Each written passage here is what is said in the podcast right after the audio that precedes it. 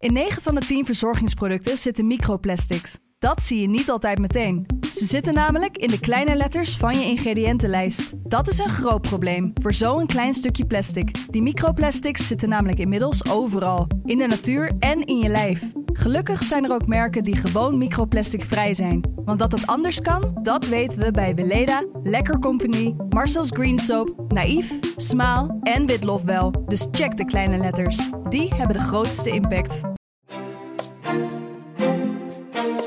Zie je, hebben we toch alweer een voorspelling van het uh, voorspellingsorakel van de Ja, financiële dit durf ik wel te voorspellen. De inflatie gaat dalen. Zie je een soort eh, nieuwe eh, de kredietcrisis eh, ontstaan? Ja, het zou niet onlogisch zijn. Hoe heet het ook weer? Een stare down? Tear down, ja. Met kickbox heb je dat. Dat is ook weer een sportterm. Jeetje, gaat helemaal niet goed. Dit is Kwestie van Centen. Een podcast van de Financiële Telegraaf met Martin Visser en Herman Stam. Help, de hoogste inflatie in 40 jaar. Eh, Martin Visser zit hier tegenover me. Gaat alles vertellen over zijn eigen boodschappenkarretje. Oh jee, oh en eh, nou, ik heb hem zelfs gevraagd om eens na te denken over wat goede tips voor onze luisteraars. Hoe we nou die inflatie een beetje kunnen ontlopen. Het is het thema van dit jaar. Eh, Martin, wat jou? Ja, tot, nu- ja, zeker. Tot nu, toe, eh, tot nu toe wel. Ja, het gaat er al, al een tijdje over. En ehm, ja, sinds de zomer loopt de inflatie op. En eh, lange tijd moesten we geloven dat het tijdelijk was. En schoorvoetend begint de een en de ander expert nu toe te geven van oei, dat tijdelijk begint wel heel lang te duren. En ehm, ja, het is wel grappig. Mensen klagen altijd dat de prijzen stijgen. Ik bedoel, je kan altijd de straat oplopen. We gaan straks een voorbeeld horen. Waar mensen zeggen, oh, de- alles wordt altijd wat duurder. En nu is het ook echt zo. Je hebt een beetje gevoelsinflatie. Maar nu, nu, nu, nu, nu be- bevestigen de cijfers ook dat het echt heel, heel hard gaat. Ja. Ja, ik zag je net even bladeren hier door eh, de krant van vandaag. En Ja. eh, je bleef wel eh, voor jou doen behoorlijk lang hangen bij de sportprestaties. Ik denk, zit hier nou echt een sportkatern te lezen? Maar volgens mij ging je op weg naar onze productie juist over de Ja. inflatie, toch? Nou, ik zal toegeven, ik heb iets van sport meegekregen. Ja? Het is niet, ja, ik, ook ik kon er niet, niet, niet omheen. We hadden het er vorige week uitgebreid over, hè, over de Olympische Spelen. Ja, en, ja. nee. ik was gefascineerd geraakt door Irene Wust. Ik bedoel, ja, ik heb dat niet heel bewust gevolgd, maar dat, ja, dat was natuurlijk niet te ontlopen. Eh, dat vind ik dan wel weer een fascinerend aspect aan de sport. Niet zozeer om het allemaal precies te volgen, maar om dan toch wel iets over de, dat mentale erover te lezen. Ik heb nog wel een stuk over zitten lezen hoe je dat dan voor elkaar krijgt. Dat je gewoon zoveel jaren op rij gewoon continu op dat moment precies die prestatie kan leveren. Dat is echt Ja. heel, eh, dat is, dat is fascinerend dat dat kan. Dat zit dus voor een belangrijk deel tussen de oren. Ik las ook ergens een verhaal over eh, ja, dat zij veel minder zenuwachtig is dan de collega's schaatsers. En heel, heel relaxed kan zijn. En dan gewoon ijzeren heinig gewoon als Ja. eerste over de finish komt. En eh, ja, ik moet zeggen Kijk, dat kijk, kijk. deze eh, week mij kijk, iets meer, daar iets meer fascineerde dan ik eh, had willen toegeven. We zijn Maar- bijna toe aan een sportpodcast. nou, en mooi ook dat ze zo'n tip geeft ook aan de collega. hè, Kjell Nuis. Handjes op de rug. Ja, ik, heb, ja, ik heb hem meegekregen. Ja. Ja. Geweldig. Nee, ik Nou, kan zo weer aan de quiz meedoen. Ik weet nu alles over schaatsen. Kijk, Dus- kijk. Nou, je noemde het al, de man en vrouw op de straat over inflatie.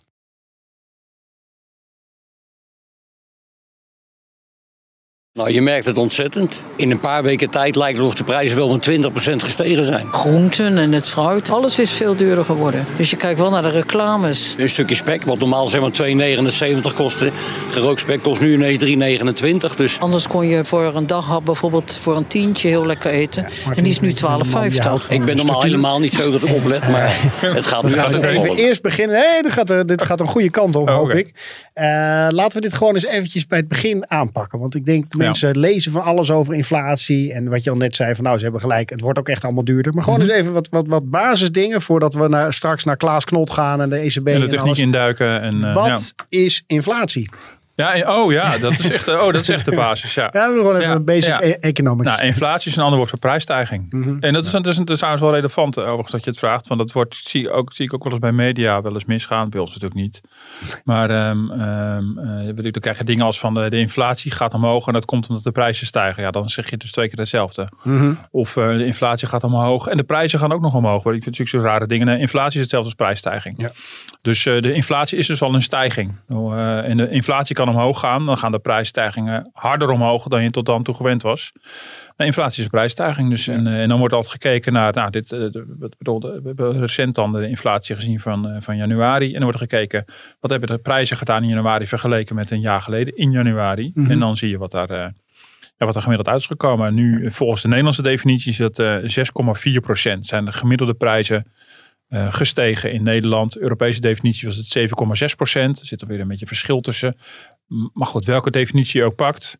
Uh, ja, de trend is gewoon duidelijk. Dat zijn gewoon grafieken met een uh, keihard stijgende lijn. Ja. En hoe, uh, want dan zeggen mensen al snel van het komt door de energie. Hè? Het is een, ja. een, mandje wat bepaald ja, wordt van klopt, nou, ja. dat is hoger geworden. is het echt alleen de energie die ons nu de das omdoet? Nee, niet meer. Nee. En het is inderdaad een mandje. Dus dat, dat, dat, dat, klopt. het CBS, Centraal Bureau voor de Statistiek, stelt een soort, ja, dat noemen we dan met je huiselijke mandje samen met waar geven mensen gemiddeld genomen hun geld aan uit. Dus het is met een hele verdeelsleutel. Dus die heb ik jullie nog niet paraat. Als je dat wil weten, moeten mensen op de site van CBS uh, kijken. Uh, dat wordt ook regelmatig bijgesteld. Van wat geeft de gemiddelde consument gemiddeld uit aan inderdaad bijvoorbeeld de boodschappen. Of aan, je, aan de huur. Of aan de vakantie. Uh, al die aspecten. En op die manier worden ook bepaalde prijsstijgingen of bepaalde prijsdalingen zwaarder of minder zwaar meegerekend in dat mandje. Mhm. Mm. En daarom is het ook niet, niet een gemiddelde van alle prijzen in Nederland. Dat alle soorten pindakaas even zwaar meetellen als alle soorten televisies. Nou, je kijkt van, van hoe is het bestedingspatroon van, uh, van, uh, van gezinnen in Nederland. En op die manier wordt daarna gekeken. Dus, je, dus in die zin is het wel een benadering. Je hebt dus ook een persoonlijke inflatie. Jouw bestedingspatroon kan dus heel anders zijn. Ja, als ik uh, veel auto rij en als ik veel de, de, hou ja. van warmte in huis, dan heb ik gewoon meer last van. Ja, of, of het hangt ook van je inkomen af. Kijk, mensen met een, ik denk, het is nog evident als je een lager inkomen hebt, dat je wat scherper op die prijzen bent. Want dan heb je natuurlijk minder te besteden. en dan loop je eerder tegen je grenzen aan, financieel gezien. Dat is natuurlijk wel evident, maar het is ook zo dat mensen met een lager inkomen gemiddeld genomen ook een groter deel van hun geld ja, moeten besteden aan gewoon echte basiszaken ja. als energie en, uh, en boodschappen. En mensen met een hoger inkomen ook nog zich theaterkaartjes kunnen veroorloven, een, een, een vliegreis. Uh, dus hun mandje ziet er wel anders uit. Ja. ja, en daar begon je vraag. Ik was een beetje mijn ouwe met je afgedwaald. Ja. Maar dat was dus de, de energie die grote driver was van de inflatie. En daardoor dat veel economen zeiden dat dit maar tijdelijk. Dat komt er uh, de aflopen van de coronacrisis. Hm. Maar wat je nu al een tijdje ziet gebeuren. En dat in het laatste cijfer wordt het echt overduidelijk. Is dat steeds meer andere producten en goederen ook in prijs aan het stijgen zijn. CBS zette dat op een rij. En die zei ook van nou de energie. Dat is echt uh, de, de grootste klapper. Uh, de energie was in januari 90% duurder 90% duurder dan een jaar daarvoor. Ja. Nou, dat zit dus voor een deel in die inflatie, omdat we niet al ons geld aan energie uitgeven. Al krijgen misschien sommige mensen langzamerhand wel dat gevoel. Mhm. Mm -hmm. um, uh, maar bijvoorbeeld voedingsmiddelen zijn in, met 4,3% gestegen. Ja. Dan denk je, ja, Vooral nee. de, de kwark of zo, wat ja, zeg ik al? ja, Voor een, ja, uh, brood, kaas en kwark. En uh, ik had het met een collega erover. Die zei, mijn pindakaas is zoveel duurder. Dan denk ik, vrek, is dat nou zo? Ik heb gekeken. daar heb je een soort allergie voor. Daar moet je sowieso niet aan nou, beginnen. Dat, dat klopt dus wel. Dat was wel, wel grappig om het dan zo huiselijk te maken. de potje pindakaas Calvé Light was 4,39 euro. Hm. Um, uh, ja, en ik kan me best voorstellen, dat is dan een A-merk, maar als mensen natuurlijk uh, ja, bepaalde gewoontes hebben met spullen die ze kopen en ze komen er gaandeweg achter van vrek. Maar nu geef ik ineens per week veel meer aan boodschappen uit. Waar zal dat dan liggen? En je gaat het dan op een rij zetten. Dat je op een gegeven moment toch gaat kijken van misschien moet ik daar wat veranderingen in aanbrengen. Mm -hmm. Maar energie, dat is de grootste klapper geweest. Het tekort aan olie, uh, gasproductie, dat heeft natuurlijk ook met geopolitiek te maken. Ja, Oekraïne uh, bedoel je dan in dit geval? Ja, ja, ja, en daarvoor speelde dat natuurlijk ook al wel met je gedoe tussen Europa en, en, en, Rusland. Ook spanningen rondom die Nord Stream uh, 2 die aangelegd moet worden. In Nederland speelt specifiek. In Nederland is de inflatie veel hoger dan, in groot, dan de meeste andere landen in Europa. Specifiek speelt in Nederland dat wij natuurlijk helemaal op onze. Wij zijn heel erg op gas gebouwd, zeg maar. Mm -hmm. En dat was natuurlijk zo omdat we onze eigen gas hadden, maar dat hebben we bijna niet meer. Ja. Dus, wij, uh, dus, dus onze inflatie wordt in hoge mate ook bepaald door het feit dat wij veel gevoeliger voor die gasprijsontwikkeling maar, zijn Maar dat geworden. ligt ook uit dus dat wij uh, harder stijgen dan het Europese gemiddelde op dit moment. Ja, okay, dat is een van de belangrijkste verklaringen daarvoor. Mhm. Maar het is inderdaad ook voedingsmiddelen inmiddels. Dus in, in de supermarkt, het bureau GFK, wat daar onderzoek naar doet, wijst daar al een poosje op. Die doen dan uh, die doen dan steeds boodschappen elke maand, stel ik me zo voor. En die vergelijken dan de, bonnetjes, zo simpel kan het Ja. zijn. En dan zie je dus al dat langzamerhand ook die inflatie ook begint door te sijpelen in, in andere producten dan alleen maar energie. En dus ja, waarschijnlijk ook niet van snel voorbijgaande aard. Heeft, heeft dat ook te maken met, we lezen ook van alles over die uh, ruzies met de, van, de, van de supermarkten met de aanmerken, dat daar Ja. strijd is. Uh, heeft dat ook uh, invloed op die Ja, dat prijzen? heeft, natuurlijk, dat Ja. heeft zeker ook invloed. En de, de macht van, overigens is dat natuurlijk niet helemaal nieuw. Bedoel, er komt om de zoveel tijd komt dat, komt dat op. Maar de macht van de producenten richting de, de, de, de afzetkanalen is natuurlijk uh, uh, is best wel groot. En uh, dus in die zin, uh, de- daar, daar speelt ook het nodig. Maar zeker als nu die prijsdruk ook door allerlei andere factoren komt. dan is natuurlijk wel de vraag van wie, wie, wie gaat hier de, de, de pijn pakken of de marges verdelen. Nou, de marges in, in supermarktbranche over het algemeen heel erg klein. Mhm. Maar je ziet natuurlijk inderdaad, rondom Unilever, nou, die onder andere heel veel voedingsmiddelen en andere levensmiddelen produceert, is daar ook wel gewoon wel de strijd bij die aandeelhouders van. Incasseert Unilever voldoende van die, van die krappe marges of wordt het, eh, zit het bij de supermarktgiganten? Maar de belangrijkste eh, oorzaak van de inflatie was aanvankelijk de, de, de, de, heel snel stijgende vraag naar grondstoffen. Doordat de coronacrisis op zijn einde leek eh, in de loop van vorig jaar. Eh, eh, behoefte aan elektriciteit, aan, aan olie, gas en dergelijke. Eh, en allerlei andere tekorten aan materialen, verstoorde handelsstromen. maar je ziet dus nu dat dat, dat, dat, eh, ja, dat, dat aspect eh, er nog steeds is. Maar tegelijkertijd ja, ook gewoon komt door, de- door de vraag. In Amerika Ja. ziet het het sterkst. Er is een inflatie net gemeld van 7,5% Ja, de economie wordt daar zo aangejaagd, ook in Europa in iets mindere mate, door A, door centrale banken en door overheden.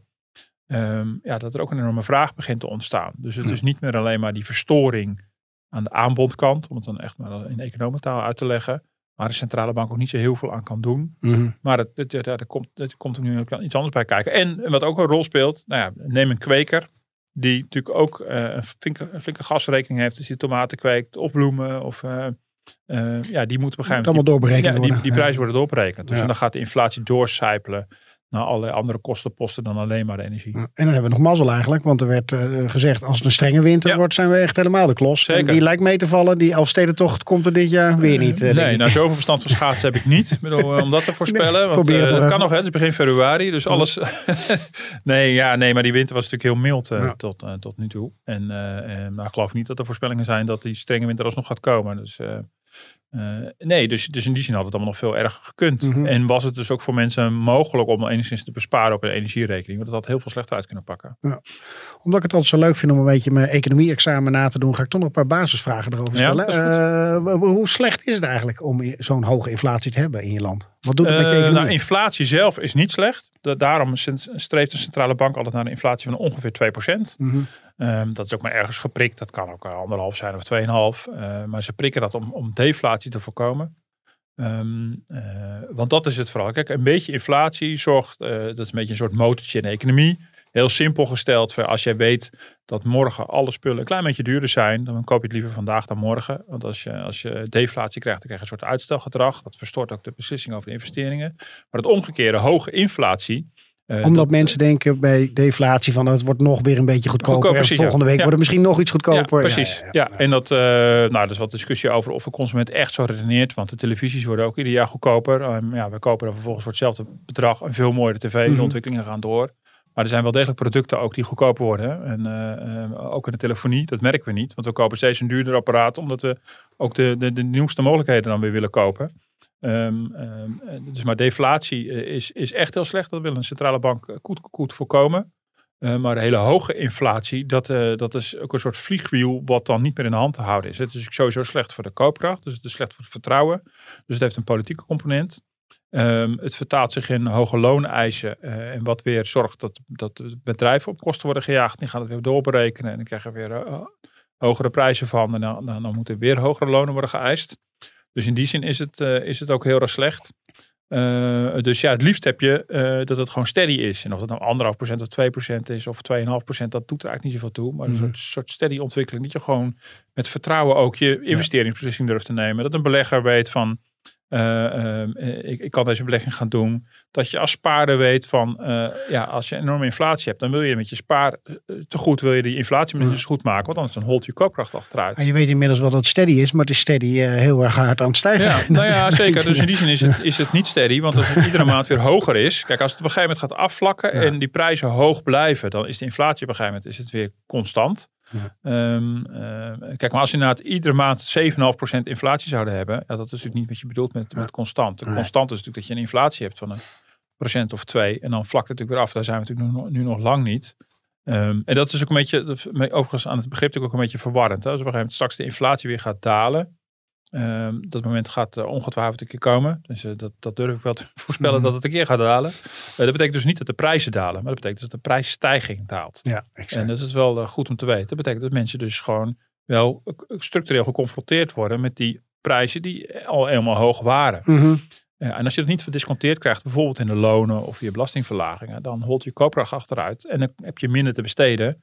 Dan raak je, kan je in financiële problemen raken. Of ja, je kan gewoon minder uitgeven. En dat is dan weer een, heeft een drukkend effect voor de economie. Ja. Zie je, hebben we toch alweer een voorspelling van het uh, voorspellingsorakel van de Ja, dit durf ik wel te voorspellen. De inflatie gaat dalen. Maar we weten niet wanneer met hoeveel. Dus het is, een inflatie, het is een voorspelling waar je uiteindelijk geen zakken hebt. Genoteerd. Ja. Uh, toch nog even over je eigen situatie. Hoe, kijk, kijk je daarna van, uh, joh, mijn mandje is inderdaad wat duurder geworden. Ik laat dit even links liggen. Ja, nou, niet zo heel bewust. Ja, ik doe mijn, ik doe mijn boodschap eigenlijk altijd online.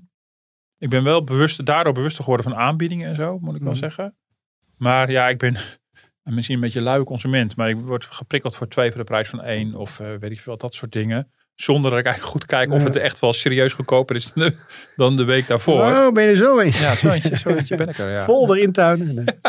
Dus ja, en ik ben ook een beetje te lui om alle foldertjes langs te gaan. Dat is overigens wel slim natuurlijk. Hè, met altijd online bezorgen. Dan heb je natuurlijk een soort, soort klantenloyaliteit gekocht als, uh, als, als supermarkt. Want ja, dan ja, heb je eenmaal heb je, het gewoon, uh, heb je een goede ervaring met die ene supermarkt. En in mijn geval heb ik ook zo'n soort abonnement afgesloten voor lagere bezorgkosten. En dan zit je er een heel jaar aan vast. Ja. Um, dus dan kan je alleen maar kiezen bij diezelfde supermarkt tussen verschillende producten. Maar goed, ja, het valt natuurlijk wel op. Ja, weet je, nu de horeca weer open is uh, en we zijn weer een keer het eten geweest met het gezin, denk je van, oh ja, was het nou altijd al zo duur? Of Mhm. ben ik dit nou ontwend geraakt? Dat vind ik overigens ook wel lastig, hè? want ons bestedingspatroon is natuurlijk door de lockdown natuurlijk ook veranderd. Dus, uh, maar ja, dat is ook een beetje het punt waar ik mee begon. Mensen met een, met een echt een lager inkomen, uh, die, die precies genoeg krijgen om alle lasten te kunnen betalen, ja, die kunnen niet anders dan wel heel goed op de Mhm. aanbiedingen letten, omdat ze anders te veel kwijt zijn. Die gaan dat veel eerder merken. Ja, en dus in die zin ik, mag ik misschien van geluk spreken dat je gewoon een goed inkomen hebt en um, niet per se in instantie op de boodschap hoeft te bezuinigen. Ja. Ja. Dus, uh, maar ja, je ziet natuurlijk wel dat dingen gewoon allemaal. Uh, ja, en met je huis zit je wel redelijk safe, toch? Want dat is een, een behoorlijk nieuw huis ja. uh, in Eiburg. Ja, nee, zeker. Dus, dus, dus qua energie valt er niet zoveel te besparen. Ja. overigens, ik heb dan stadsverwarming. gek genoeg is, ik heb het nog gecontroleerd, is mijn maandbedrag nog steeds hetzelfde. Terwijl ook die stadsverwarming is wel gekoppeld aan de gasprijzen. Mm -hmm. Dus ik heb precies, nou gaat die klap misschien nog een keer komen. Maar die is dan onvermijdelijk. Uh, daar kan je niet zoveel aan doen. Ja. Let jij erg op de prijzen? Nou, met, met mijn auto eigenlijk. Ik uh, reed hem uh, zonder bijtelling, mijn leasewagen. En Hm. inmiddels heb ik hem in de bijtelling. Dat betekent dat natuurlijk ook die benzineprijs op die, of de, de benzine ook vergoed wordt. Omdat oh, ja. ik echt afgelopen jaar wel ja. behoorlijk gek ervan werd als je aan de pomp stond. Ja. dat je dacht, nou, dit was het ongeveer wel voor deze maand. Als je één keer volgooit. Maar goed, ja, dus wel een beetje. Ja, dan daar heb ik het wel in de gaten. Maar ja. ik, ja, ik rijd natuurlijk door de, door de lockdowns rij natuurlijk en, en de beperkingen rij je sowieso minder. Dat is Mhm. mm. in mijn ervaring. Ja. Um, maar ja, ik ben er niet minder om gaan rijden. Ik denk van, oeh, de, de prijs is zo hoog. Nee. Ja, dat hangt dus heel erg van af wat je inkomensplaatje is. Of je dat kan permitteren of niet. Ja, gaan we zo ook nog verder over hebben. Ook ja. van welke groep het uh, precies uh, ja. treft. Laten we eerst eens eventjes uh, richting de ECB gaan. En uh, ook Klaas Knot, die de president is van de Nederlandse Bank. Ja. Die hogere inflatie gedurende de, eigenlijk het, veruit het grootste deel van dit jaar... Ja, die loopt, heeft natuurlijk dan ook weer een overloopeffect naar het volgende jaar. Dus wij denken nu dat al met al die verhoogde inflatie... zeker twee jaar in totaal, hè, even gebeten vanaf vorig jaar zomer... Uh, zal gaan duren, zo niet langer. Ja, ik viel niet van mijn stoel, maar deed toch heel wat, uh, deze uitspraken van hem. Uh, ja, van vooral de, de, de, de, de lengte die hij voorspelde. Ja, ik viel wel van mijn stoel. Ja? En um, niet van de lengte, maar wel van de hoogte. Mhm. Mm -hmm. Omdat wat, wat hij, hiervoor heeft hij een percentage genoemd. Hij zegt namelijk, in zijn voorspellingen van de Nederlandse bank staat namelijk een inflatie van 3%. En hij zegt hier ineens out of the blue dat, dat de inflatie dit en volgend jaar 4% gaat worden. Mm -hmm. En ja, dat lijkt misschien een beetje gemierenneuk. Maar dat bedoel, het is op 3%, een hele procentpunt erbij, is echt fors. Um, en het loopt daar vooruit op, op inflatievoorspellingen van de ECB zelf. Die in, uh, die, uh, die in maart weer met een nieuwe vergadering komt. En dan ook met nieuwe ramingen komt. En uh, waar ik ook van van mijn stoel viel. Is dat hij in dit interview bij Buitenhof afgelopen zondag. expliciet aankondigde dat wat hem betreft de rente moet worden verhoogd in het laatste kwartaal van dit jaar. Mm -hmm. En ergens in het nieuwe jaar nog een keer moet worden verhoogd. Ja. En dat gebeurt niet zo heel erg vaak dat de centrale bankier, uh, zeker bij de ECB, doen ze vaak wat schimmiger, uh, zo heel concreet aanwijst van wat mij betreft moet het deed echt, uh, was een beetje droppen erover. Want Lagarde had een week daarvoor de president van de Europese Centrale Bank de, de mogelijkheid opengehouden voor een renteverhoging dit jaar. Maar Mhm. hij, hij pakte hem meteen. En dat is relevant. Want de, centrale bankiers, die zijn de baas over de inflatie. Die zijn de enigen die dat echt kunnen betekenen. Maar nou gaat hij vaker naar Frankfurt. Hè? Uh, om daar, uh, volgens mij, deze lobby kennen we ook wel een beetje van hem. Want hij vindt eigenlijk al te lang dat die rente te laag is. Hè? Met alle nadelen uh, die het meebrengt. Maar echt heel veel invloed lijkt hij niet te hebben tot nu toe, toch? Nou, de markten wel. Dus, um, en het is ook geen lobby. Hij is natuurlijk een van de bestuursleden. Hij is een van de medebeslissers. Maar goed, mm. je moet natuurlijk wel in de meerderheid zijn. Wil je het doorheen krijgen. Maar je hebt gelijk. Dat uh, hij kan het wel roepen, maar daarmee gebeurt het natuurlijk niet automatisch. Dus in die zin zou je het als een soort onderhandelingsinzet kunnen zien. Mhm. Maar je zag wel ogenblikkelijk dat op de financiële markten de, de, de rentes van Europese landen begonnen op te lopen. En die van Italië en, en Griekenland harder dan die van Duitsland en Nederland. Ja. Uh, Dus, uh, dus, dus die, in die manier heb je ook invloed om de markt warm te maken of, of zich te laten voorbereiden op, op wat er komen gaat. Ja. En um, goed, misschien is de stap nu heel groot van basic, wat is inflatie eigenlijk? En nu hebben we het al over rentepercentages. Maar dat is mhm. natuurlijk de manier waarop een centrale bank um, de inflatie uh, kan bestrijden. Door, uh, door een beetje ja, op de rem te gaan staan. Om te zorgen van, uh, ja, nu is de, de, de, de, de, de, de officiële rente van de ECB is 0%. Mm Dat betekent dus dat het, dat het, het geld lenen gratis is. Nou, dat, dat, dat, dat vertalen banken door in, in hun kredieten richting bedrijven. Nou, dan is geen 0%, er zit er nog een marge op. Maar ja, de rentes die bedrijven moeten betalen over kredieten eh, is daardoor ook heel erg laag. We zien het bijvoorbeeld zelfs consumenten in de rentes op de hypotheken, die natuurlijk historisch laag zijn. Ja, als je op een gegeven moment begint die rentes te verhogen, gaan uh, als, als centrale bank gaan die rentestanden ook omhoog. Dan wordt het duurder dus om een, een, een, hypotheek te nemen en dus duurder om huis aan te schaffen. Dat, uh, dat kalmeert als goed is de huizenmarkt weer een beetje. Dan wordt het duurder voor een bedrijf om een bedrijfskrediet te krijgen. dus dat, dat tempert de boel ook een beetje. Dus de, de, de, de rente is ook de manier om die ja, om die, die inflatie enigszins in toom te houden. Ja, het is, het is een razend, want mensen denken misschien van, oh, het is een beetje ver van mijn bedshow, hè, dat Frankfurt. Maar het heeft uiteindelijk enorme invloed op die inflatie en wat er met je portemonnee gebeurt. Maar er zit een heel politiek spel achter. Hè? Want aan de ene kant zeggen ze vanuit de ECB, we kunnen die steun nog niet stoppen. We moeten dat gratis geld uitdelen, want landen hebben het gewoon nodig.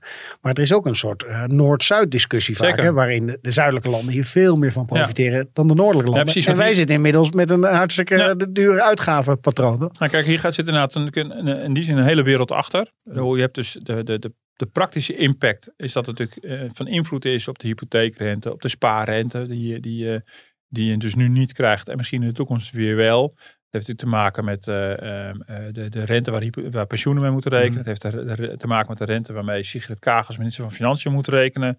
Als zij schulden maakt. Nou, dat zijn ze nogal van plan, dit, dit kabinet om schulden te maken.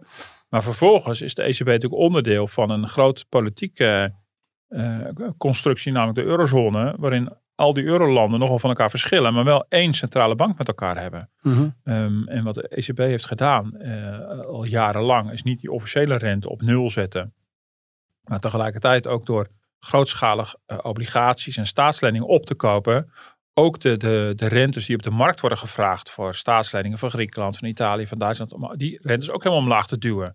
Dat betekent dus dat alle vormen van rentes die er zijn, worden allemaal omlaag uh, geduwd. Dat, dat jaagt de economie aan. Maar dat maakt het bijvoorbeeld ook voor Italië hartstikke goedkoop om schulden te maken. Nou, dat hebben ze dus ook enthousiast gedaan. Um, maar nu is dus de vraag: ja, maar als je dus die rentes weer op laten lopen, ja, kan Italië in de toekomst zijn eigen staatsschuld nog terugbetalen? Mm Dus je zit midden in een politiek mijnenveld. En dat zag je dus deze week al gebeuren. Um, dat de ECB, die natuurlijk de renteknop ter beschikking heeft om de inflatie uh, uh, op peil te houden en uh, in, in, de, in, de, in de tank te houden, ook voor ons consumenten, ja, daarmee ook meteen dat ingewikkelde politieke spel moet oplossen. Ja. Maandag uit mijn hoofd, ja, maandag was Christine Lagarde van de ECB was in een hoorzitting met het Europees Parlement. En een groot deel van die hoorzitting ging over die vraag van, mevrouw Lagarde, bent u niet bang dat de renteverschillen tussen Duitsland en Italië weer gaan oplopen? Ja, ik denk dan van ja, weet je, eh, laat de ECB zich eh, lekker met inflatie bemoeien. Ik bedoel, het gaat om, gaat om onze supermarktprijzen. Mhm. En uh, de Italiaanse staatsschuld is onhoudbaar. Maar die is alleen maar houdbaar geworden doordat de ECB zich daarin gemengd heeft. Dan moet de ECB zich zo snel mogelijk weer uit terugtrekken. Maar dat durft, durft ze niet of nauwelijks. Omdat ze dan weten dat er een groot politiek probleem ontstaat. Mhm. Ja. Zie je een soort uh, nieuwe uh, kredietcrisis ontstaan door dit? Ja. Nou ja, dat, ga ik, ja, dat, ja, dat, vind ik, ja, dat, die voorspelling ga ik niet doen. Mm. Maar ja, het zou niet onlogisch zijn. Maar ik denk dus dat de ECB daarom op kousenvoeten loopt. En daarmee dus haar primaire taak ook ja, dreigt te gaan verwaarlozen. Namelijk zorgen voor prijsstabiliteit Omdat ze weten dat alles wat, wat ze doet om die inflatie omlaag te krijgen, verstorend is voor de Zuid-Europese landen. En dat risico is er zeker. De spreads heet het dan. Het verschil tussen de Duitse rente en, en bijvoorbeeld de Italiaanse rente. Dat noemen ze een rentespread. Het verschil tussen die twee rentestanden. Die, namen, die liepen op. En dat wordt gezien, dat vind ik echt ja, fascinerend, maar ook wel stuitend. Het wordt gezien als een groot probleem. Terwijl ik denk, maar dat is gezond. Want de ECB heeft gewoon jarenlang die markt verstoord. Mhm. Eh, want die rente is een soort risicopremie. Dus nog ja, als jij moet kiezen van waar, waar, waar steek je geld liever in? In Duitsland of in Italië? Dan kies je natuurlijk voor Duitsland, want dat is steady. Ja. Behalve als je zegt, ja, Italië wil ik mijn geld wel insteken, maar dan wil ik er ook meer voor terug. Dat is die rentestand. Dus dat is een soort, uh, dat is een weerspiegeling van het risico dat je loopt om geld in zo'n land te steken. Uh, ja, als je als ECB dus gewoon kunstmatig dat allemaal omlaag duwt, waardoor, waardoor het voor Italië net zo goedkoop was om geld te lenen bijna als, als voor Duitsland, ja, dan zit er geen enkele marktprikkel meer in ja, dan gaan natuurlijk die zuidelijke landen een goddelijke gang. Mhm. Ze hebben jarenlang de tijd gekregen om met lage rentestanden de boel op orde te krijgen. Maar dat is helemaal niet gebeurd. De schulden zijn alleen maar verder opgelopen. Ja, dus je kan wel zeggen, dat die tactiek kan je wel mee stoppen, want dat werkt. Kan je veel beter mee stoppen, ja. En dan zeggen beste politiek, maar dat is jullie probleem, niet het onze. Maar dan zegt de ECB, ja, we zijn hoeder van de euro en de euro mag niet omvallen. Ja, dat, dat kan wel zo wezen. Maar dat is toch wel een enorme politieke rol die de ECB naar zich toe heeft getrokken. Nou goed, en daar roept Klaas dan af en toe hele ferme dingen over. Maar uiteindelijk is hij gewoon mede verantwoordelijk voor het hele beleid dat daar in Frankrijk wordt gemaakt. Ja, en dat is, dat is een hele ingewikkelde politieke knoop waar ze in, in terecht zijn gekomen. En ondertussen lopen onze prijzen maar op. Ja, precies. Want ben je niet bang ook, uh, als je dit, weet je, een hele heldere uitleg erbij, uh, dat mensen hier in Nederland denken van ja, uh, wat moet ik eigenlijk met die hele eurozone? Ik ga alleen maar elke keer meer betalen en ik heb er helemaal heel weinig aan Zeker. wat er gebeurt. Dat snap ik heel goed. Ik bedoel, overigens, ik ga niet zeggen dat we mee moeten stoppen, want ik zou niet weten hoe je dat moet organiseren. Mm. Ik bedoel, ja, de metafoor die vaak wordt gebruikt, en bijna clichématig, die leen ik dan maar weer dat de eurozone is een soort, soort omelet. Je hebt allemaal eieren gebroken en bij elkaar geklutst en een omelet van gebakken. Ja, het is heel makkelijk om ze allemaal te breken en door elkaar te klutsen. Maar zie die losse eieren maar weer uit elkaar te peuteren. Dat gaat dus niet meer. Um, dus dus dat, dat gaat haast niet. Um, ja, weet je, de, de, Britten zijn met heel veel pijn en moeite uit de EU gestapt. Maar dat is echt een andere koek dan echt helemaal uit de euro stappen. Uh, we zijn nou zo met elkaar verweven. Dat, ja, volgens mij is dat niet echt mogelijk zonder, zonder enorme pijn. Ehm, dus je moet ermee verder. Maar ja, ik, ik, vind, het, ik, vind, het, ik vind het ook. Ik bedoel, dit is, dit is fnuikend voor het draagvlak van de euro. Want onder, ondertussen is natuurlijk in Brussel zijn er allemaal grote fondsen opgetuigd. Waarin enorm veel geld wordt rondgepompt. Uh, dat corona-hulpfonds. Dat is allemaal bedoeld omdat Italië, ondanks die uh, krankzinnig lage rente. En ondanks die hard oplopende staatsschuld, gewoon nergens ruimte heeft om de eigen coronaschade op te vangen. Dus ze moeten ze met de handjes ophouden in, in Brussel. En dat mhm. financieren we ook weer met, met die krankzinnig lage rente. Ja, dat, ja ik word daar niet enthousiast van. Zie je al uh, wel wat verschijnen qua, joh, uh, de coronacrisis het is bijna ten einde. We zouden wel wat kunnen gaan doen in uh, Frankfurt. We, we, we, zonder Jawel, voorspelling te doen zeker. wanneer zoiets nee, gebeurt. Kijk, er gebeurt ook wel iets. Ik bedoel, alleen dat gaat heel erg langzaam. Je ziet de vet in Amerika, de centrale bank in Amerika, veel harder optreden. Dan is de inflatie daar ook wel hoger. En eh, heeft voor een belangrijker deel ook te maken met een dreigende oververhitting van de economie. En dat er zo, zo van stimulansen zijn. Um, uh, maar je ziet bij de ECB gebeurt wel iets. Ik die rente die staat dan nog, uh, die is dan nog nul. Um, maar je ziet wel dat de, de eerste stap worden gezet om dat opkopen van al die staatsleningen af te bouwen. Maar het raar is weer om dat te laten landen, de zachte landing, wordt het coronaprogramma afgebouwd. Maar dan wordt het nog steeds lopende programma uit de eurocrisis wordt een klein beetje opgeplust. Om die, mhm. ja, dus een beetje vestzak broekzak. Nou, per saldo gaat, gaat het programma wel omlaag, maar het gaat echt stapje voor stapje. En ja, het ziet er nou uit dat we nog gewoon dit hele jaar nog met die, met die opkoop van die staatsleningen te maken hebben. En de ECB heeft steeds gezegd, we gaan eerst stoppen met, die, met, die, uh, met het opkopen. Uh, en dan pas is het tijd om de, de officiële beleidsrente te gaan verhogen. Ja, dat zal echt een aantal stappen sneller moeten gaan. Mm Kijk, het is niet meer geloofwaardig dat Lagarde maar blijft roepen dat die inflatie allemaal tijdelijk is. Want dat is natuurlijk wel duidelijk. Dat is niet het geval. Ja, helder. Hey, dat is uh, het, uh, het Europese gedeelte, het Frankfurt deel. Uh, laten we nu eens naar Nederland stappen. Want er zijn natuurlijk ook nog wel dingen die we hier in ons eigen land kunnen doen. Om, ja. om het een beetje te beteugelen. Het is natuurlijk ontzettend zorgelijk als je ziet wat het doet met de huishoudportemonnee. de stijgende prijzen en hoe mensen aan het eind van de maand rond kunnen komen. We gaan natuurlijk in het voorjaar, als we de doorrekening hebben van het Centraal Planbureau. Dan gaan we kijken of er mogelijkheden zijn, maar ik ga absoluut geen enkele belofte doen. Sigrid Kaag, onze minister van Financiën. Ik moet ja. nog steeds een beetje aan wennen om haar als minister van Financiën aan te kondigen. Maar dat ja, is Wopke Hoekstra heb je dat niet? Uh, dat je ineens minister van Buitenlandse Zaken ja, ook, ja, nee, ja, ik heb sowieso, het zit er nog niet helemaal lekker in. Het, uh, nieuwe kabinet. De, de, staatsman uit te hangen en de Oekraïne-kwestie op te lossen. Ja, en, uh, ja. ja ik, hij is bij mij een beetje van de radar eigenlijk, voor mijn gevoel. Maar, ja. Ja. hij stond heel mooi in die foto. Hè, dat Rutte op een gegeven moment de hand geeft aan de president van Oekraïne. Dan denk je van, wie is, wie is die lange man op de achtergrond? Dat was op Hoekstra. Dat, zo dus moet je acteren als minister van Buitenlandse Zaken volgens mij. Overal op die foto's. Ja, maar het is in ieder geval geen typecasting. Hè? Want ik bedoel, dit, dit was, het was zo logisch om dat andersom te blijven doen. Maar goed, ja. uh, dat was politieke redenen. Nee. Maar dat is een andere podcast. Maar we hebben te maken met Sigrid Kaag. Ja. En uh, iedereen kijkt natuurlijk ook naar haar. Van uh, luister, ja. je zei het volgens mij al even. Het is het een kabinet vol speelzucht. Er wordt van alles beloofd en uitgedeeld. Alleen, er vallen ook heel veel mensen buiten de boot omdat die inflatie zo ja. hard aan het gieren is. Ja, we kijken allemaal naar haar en ze kijkt allemaal terug. Dus ja. ster, uh, hoe heet het ook weer? Ster down. Ster down, ja. ja, ja, Dus, uh, Met kickbox heb je dat. Dat is ook weer een sportterm. Het gaat helemaal niet goed. maar um, uh, nee, ze, ze, kijkt gewoon vrolijk terug. Ja. En, en nou, we zien nog wel. Maar nee, dus in het regeerakkoord is vastgelegd dat er, dat er een, een, een stabiele en positieve koopkrachtontwikkeling zal zijn. Dat vond ik al een stoere belofte toen. Want op het moment dat dat, dat werd vastgelegd begin december was al duidelijk dat de inflatie hard aan het oplopen was. Dus dit zagen we gewoon aankomen. Het kabinet gaat natuurlijk zeggen dat ze zijn overvallen door de inflatie. Dat is een beetje de escape. Dat is natuurlijk een beetje flauw. Dat is echt wel knap als je nu kan zeggen dat je overvallen wordt. Ja, maar goed, maar... omdat het nu zo hard oploopt. In december, januari was het, waren het echt recordcijfers. Um, um, maar goed, dat, dat was dus al gaande. Dat, dat schreef al in, in november op. En december, toen het regeerakkoord ja. uitkwam, hebben we het ook al opgeschreven. Maar daarin is ook vastgelegd dus inderdaad dat er een, over een jaar een stabiele en positieve koopkrachtontwikkeling moet zijn. Uh, uh, de voorspelling was in de doorrekening dat het uh, cirkelt rond de nul. Dus goed, dat is ook stabiel. Hm. Um, alleen het valt nu toch tegen, want dat komt allemaal diep in de min uit. En het moment om daar iets aan te doen is bij de voorjaarsnota. Dat is het moment dat het kabinet uh, even de stand van zaken van het lopende begrotingsjaar uh, opneemt. En in tegenstelling tot het woord voorjaarsnota wordt die mensen afgekaart in juni.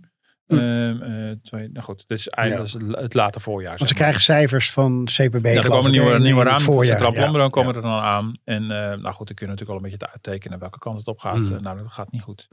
En um, uh, dus, dus ja, dat is het moment om te kijken. Ja, en uh, Sigrid Kaag heeft natuurlijk wel meer financiële tegenvallers op te lossen. Want uh, we hebben ook de hele de zaken om de spaartax, waar we vorige week uitgebreid over hebben gehad. wat ook een aantal miljarden gaat kosten, ja. naar het schijnt. Um, dus ja, hier is dus de vraag, wat gaat het kabinet doen? Ja, dat zou dus, dit is een kabinet, dat heb ik ook eerder gezegd, wel, die is gericht op het uitgeven van geld. Niet gericht op het verlagen van de belastingen dat wat zo'n lastenverlichting noemt, is per saldo houdt het niet over. Bedoel, dus de koopkracht was al heel mager. En um, ja, dat is wel heel riskant om dat te doen. Om tegen mensen te zeggen, nou, uh, vertrouw ons op onze blauwe ogen. We gaan uw tientallen miljarden, want ja, dat is ons belastinggeld, gaan we allemaal voor uitgeven, voor allemaal goede doelen. We gaan het klimaat oplossen en uh, weet ik veel wat ze allemaal gaan doen. Uh, en ondertussen moet u op een houtje buiten. Ja, dat ja. is een best wel een lastig verhaal, denk ik. Ja. Als je net met een kabinet bent begonnen. Ja, en vooral ook omdat je in andere landen ziet, zoals België en Polen, dat er wat harder aan gesleuteld wordt volgens mij om, die, uh, om mensen tegemoet te komen. Nee, je ziet wel dat de energielasten er is iets aan gedaan. Dat mm. de overigens zat het al verdisconteerd in die, in die CBS-cijfers. Uh, dus de energiebelasting is natuurlijk tijdelijk voor dit jaar is dat verlaagd. dat zal voor sommige mensen wel echt iets uitmaken. Dat is een vrij dure maatregel, want die gold echt voor iedereen, ongeacht hoe je energierekening uitpakte. Um, ja, dat is, ja, het is gewoon gebleken dat het gewoon belangen nou niet genoeg was. Ja, en het instrument BTW, daar hebben we twee weken geleden over gehad. Je zou natuurlijk tijdelijk de BTW kunnen verlagen. Ja. Dat, dat dempt ook de prijzen. Maar ja, dat kan niet. Computer 6 nou. ja, dus, de, de uh, Commodore 64 kan ja, dat niet aan. Nee, dus het aantal BTW-wijzigingen ja. voor, voor 10 jaar, die hebben we opgebruikt. Dus dat mm. kan ook niet. Ja, dan kan je niet heel veel anders dan uh, of een nieuwe compensatie voor de energieprijzen doen. Uh, de energierekening, dus iets met de energiebelasting gaan doen. Ja, of de belastingen toch verlagen. Maar dat kost al heel snel heel veel geld. Ja. Dus ze zit een beetje klem. Ze heeft al gezegd, hè, het gaat sowieso niet voor iedereen gelden, deze compensatie. We gaan nee, dus- kijken dus, ja. naar bepaalde groepen die ja. dan het slechtst hier uh, ja. uitkomen. Ja. dus dat is nog wel spannend. En dat zal ook uit die koopkrachtplaatjes moeten blijken uh, waar ze dan aan welke knoppen ze gaan, gaan draaien. Dat kan je te doen. Hè. De groepen die je treft, nou, we noemen al even mensen met een laag inkomen. Daarvan is het natuurlijk evident. Dat zal je zien dat ook wel terugkomt. Uh, het verhogen van de minimumloon, zoals de bedoeling is, en de koppeling aan de bijstand uh, um, biedt geen soelaas. Want het minimumloon wordt in stapjes verhoogd. En pas tegen het einde van deze kabinetsperiode komt hij op het niveau dat, waar ze uit willen komen. Um, dus dat, dat zet voorlopig geen zoden aan de dijk. en dan heb je nog de groep gepensioneerden. zeker voor de mensen waarvan het aanvullend pensioen al jaren niet meestijgt met de stijgende prijzen. Daar, komen de, daar komt de klap ook hard aan. Dus dat zou je op kunnen lossen met de oudere korting te verhogen. Dat is een soort korting die je krijgt op de belasting. Maar daar heb je weer het probleem dat mensen die ja, alleen, alleen AOW hebben, een heel klein aanvullend pensioentje dat die uh, inmiddels te weinig belasting betalen om die hele oudere korting te kunnen incasseren. Dus daar moet je dan ook iets voor verzinnen. Dus ja, het wordt, uh, dat wordt best wel ingewikkeld. Maar dat is wel inderdaad het idee van ze beloven niks. Mevrouw Kaag belooft niks. En ze, ze zegt voor het al, we gaan niet we, zullen niet iedereen kunnen compenseren, dus de teleurstelling is al ingebakken. Ik ruik hem al. Dit wordt uh, vakbonden die gaan aankloppen bij uh, de werkgevers. De bedrijven moeten het maar ophoesten en het uh, goed maken, toch? Vind, je dat nou, goed, vind, je dat een goed plan? Nou ja, de, ik vind het sowieso wel logisch dat, dat als je kijkt hoe de economische groei is, dat je gewoon bij die sectoren waar dat gewoon weer kan, en dat zijn er gelukkig al heel veel, dat je daar de lonen weer flink laat stijgen. Dus een krap op de arbeidsmarkt. Dus er is alle reden toe om dat te doen. Ik ben niet zo gelukkig uh, met het instrument dat met name de FNV wil gebruiken. Dat is een automatische prijscompensatie. Dat is iets uit de jaren 70. Waarin je in de CAO een automatische koppeling maakt tussen de lonen en, en het inflatiecijfer. Mm. Dat lijkt me niet zo heel erg uh, een goed idee. Ik bedoel, dat is niet voor niks afgeschaft. Want daarmee joeg je ook steeds wel die inflatie heel erg aan. Ja. Maar dat, dat en de prijzen gaan uiteindelijk misschien gewoon omhoog, toch? Ja, weer, uh, ja. ja. en dat, dat, dat, is wel een zeker risico. Dan is de remweg uh, veel trager. Dat is, dat, is, dat is het risico. Maar de inzet begrijp ik volkomen dat ze dat uh, willen doen. En de banken kwamen deze week, de Rabobank met, met, met forse winstcijfers. Mm -hmm. Je ziet ook heel veel bedrijven. Nou, Heineken is een CO-conflict net opgelost met een uitkomst nog onder inflatieniveau. Wat ik echt wonderlijk vind. Hoe kan je daarmee instemmen mm -hmm. als, als, als als FNV. Heineken had in het begin last van de coronacrisis. Uh, door de, de afzet aan, aan de horeca was het natuurlijk omlaag gegaan. Maar uh, het pakte al heel snel weer een herstel. Dus je ziet ook heel veel bedrijven, als ze al last hadden van de coronacrisis, dat ze weer hersteld zijn. Ja, het is natuurlijk heel specifiek waar de, uh, de horeca heeft een nieuwe CEO. Dus in de horeca was het gewoon mogelijk om ondanks alle problemen in die sector, die daar evident zijn, toch gewoon een CEO af te sluiten. Die is natuurlijk dan natuurlijk niet op, op, op uh, 3, 4 procent loonstijging uitgekomen. Dat is nogal logisch, want maar goed, dat kan, ook, dat kan in zo'n sector helemaal niet. En de retail zul je voorzichtig moeten zijn. Maar er zijn natuurlijk talloze sectoren waar er echt veel ruimte is. Mm en uh, ja, die moet je gewoon pakken. Dit is gewoon een pleidooi van voor de coronacrisis. En die draad moet de vakbond gewoon weer oppakken. Ja, of uh, gewoon als uh, tip van de week nog, los het zelf gewoon op buiten ja. de vakbonden. En ja. onderhandel met je werkgever of schema met een nieuwe baan. En, ja, nou ja, dat hangt een beetje van je, van je functie af. En misschien ook wel een beetje van je leeftijd. Maar ja, dat gaan we denk ik wel toch zien gebeuren. En dat, dat zie je in de statistieken niet ogenblikkelijk terug. Omdat de cao-lonen dan gematigd stijgen misschien de incidentele lonen, die kunnen misschien wel gaan stijgen. En dat zit me in dat mensen dingen uit onderhandelen voor zichzelf. Ja, het hangt een beetje vanaf. Er zijn heel veel werkgevers zeggen, ja sorry, het kan niet. We hebben een CAO. Nou, dan kan je tegen je baas zeggen, de CAO is een, is een bodem. Dat is geen plafond. Dus dan mag je nou hartelus bovenop uitbetalen als je dat, eh, als je dat zou willen. Maar ja, dan hangt het natuurlijk wel vanaf uh, in welke sector je zit en hoeveel krapte er is op, op, op het werk wat jij, uh, wat jij doet. Maar die, uh, ja, die, die, poging kan je wagen. En bij sollicitaties, als je op punt staat te solliciteren. Um, en, je, en, je, komt er gaandeweg achter dat je, dat je ja, een, een, beroep hebt waar veel vraag naar is. Dan zul je dat gaandeweg wel merken. Dat mm. om, om je gevochten wordt. Ja, heb je nog uh, voor onze luisteraars nog één uh, tip van de week qua inflatie? Ja, de, de, ja, de, ik, ja, ik begon ook hetzelfde te zeggen dat ik um, zelf die boodschappen ja, misschien onvoldoende let. ja, dat is misschien een teken van luxe. Maar dat ligt natuurlijk heel erg voor de hand. Dat je daar, uh, dat je daar goed naar kijkt. Dat hadden we zo'n verhaal in de krant ook. Uh, was ook weer bureau GFK die ook zei van nou, een gemiddeld gezin geeft ongeveer 7.500 euro aan boodschappen uit per jaar. Mm -hmm. nou, dat is echt allemaal gemiddeld. Er zijn er mensen die veel meer uitgeven en veel minder. Dus ja, dat is een inflatie van een procent of 4. Dat, dan heb je het al snel over 300 euro. Daar zit ook heel veel ruimte om om te kijken van of je goedkoper een ander product kan kopen. Dan misschien niet die Calvé pindakaas mm. light van 4,39. Sowieso geen pindakaas. nou, even los daarvan.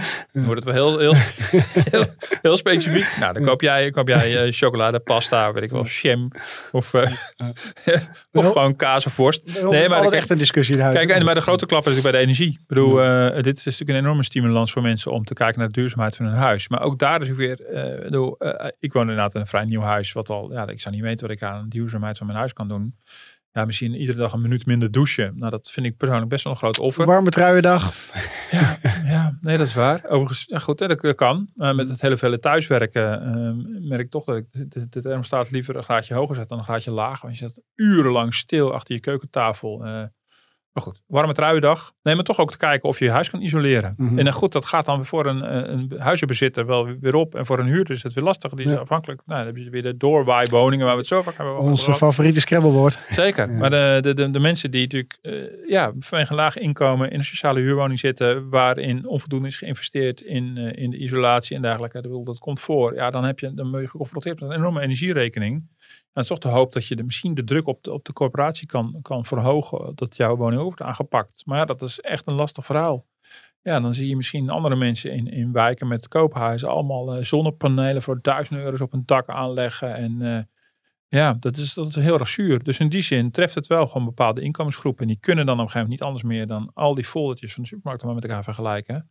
Hm. En uh, een beetje in die hoeken uh, gaan zoeken. Ja, nou ja. En dan maar uh, hopen wellicht op Sigrid Kaag die nog iets zal gaan doen. Um, ja, hoop op Sigrid Kaag. Ja, ik weet niet of dat nou hoopvol vindt. Of, um, ja, nee, je, je, kan, je kan niet veel anders. Maar in ieder geval, het, het positief voor deze groep is als er ergens gecompenseerd gaat worden, dan zal het wel bij de, bij de lagere inkomens en bij de gepensioneerden zijn, is mijn voorzichtige eerste inschatting. Omdat daar de klappen natuurlijk evident heel hard aankomen. Helder. Het is weer tijd uh, voor de rondvraag. Ik vind het alleen al leuk om die bel lekker aan te kondigen. Daar ben heel blij van. Ik ben blij met de nieuwe rubriek. Ja, ja, ja, zeker, zeker. Uh, heb je nog iets voor de rondvraag?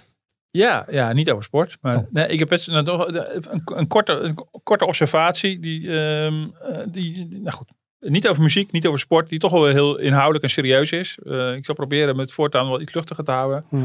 Maar mij moet toch van het hart dat ik me verbaas over de zogenaamde koerswijziging van het kabinet met betrekking tot het coronabeleid. Nu komen er versoepelingen en, en zegt Ernst Kuipers durft dan met droge ogen te beweren dat het een teken is dat het kabinet een andere koers vaart waarbij we niet meer alleen naar de ziekenhuiscapaciteit kijken en dat we daarom die versoepeling doorvoeren. Wat een beetje flauwkul is, want die versoepelingen die komen er omdat die ziekenhuisbezetting heel erg meevalt. Dus uh, in die zin, uh, ja, we zijn natuurlijk allemaal opgetogen dat er zogezegd een andere wind waait. En dat, we, uh, dat, dat het kabinet ook meer naar maatschappelijke effecten gaat kijken van coronabeperkingen. niet zomaar meer een lockdown. Er staat ook zo'n zin in die brief van dat het open zijn van de samenleving is nu het uitgangspunt. Dan denk ik van ja, dat mag ik hopen zeg. Ik bedoel, mm. Eh, was dan tot voor kort een lockdown het uitgangspunt of wat? Dus ik ben heel sceptisch over dat lange termijn plan wat, wat er gaat komen. En eh, let even op de woorden die Ernst Kuipers eh, en, en andere ministers nu deze dagen en ook bij die persconferentie niet aan zitten komen, gaat gebruiken. Of je niet met je in de luren wordt gelegd met een mooi spel met woorden, waardoor het lijkt alsof we afstand nemen van de koers Hugo. Mhm. en over zijn gestapt op de koers Ernst. Want ik denk dat er niet zo heel veel verschilt. En dat we gewoon doen wat alle andere landen doen. En het kan gewoon weer. We gaan weer open.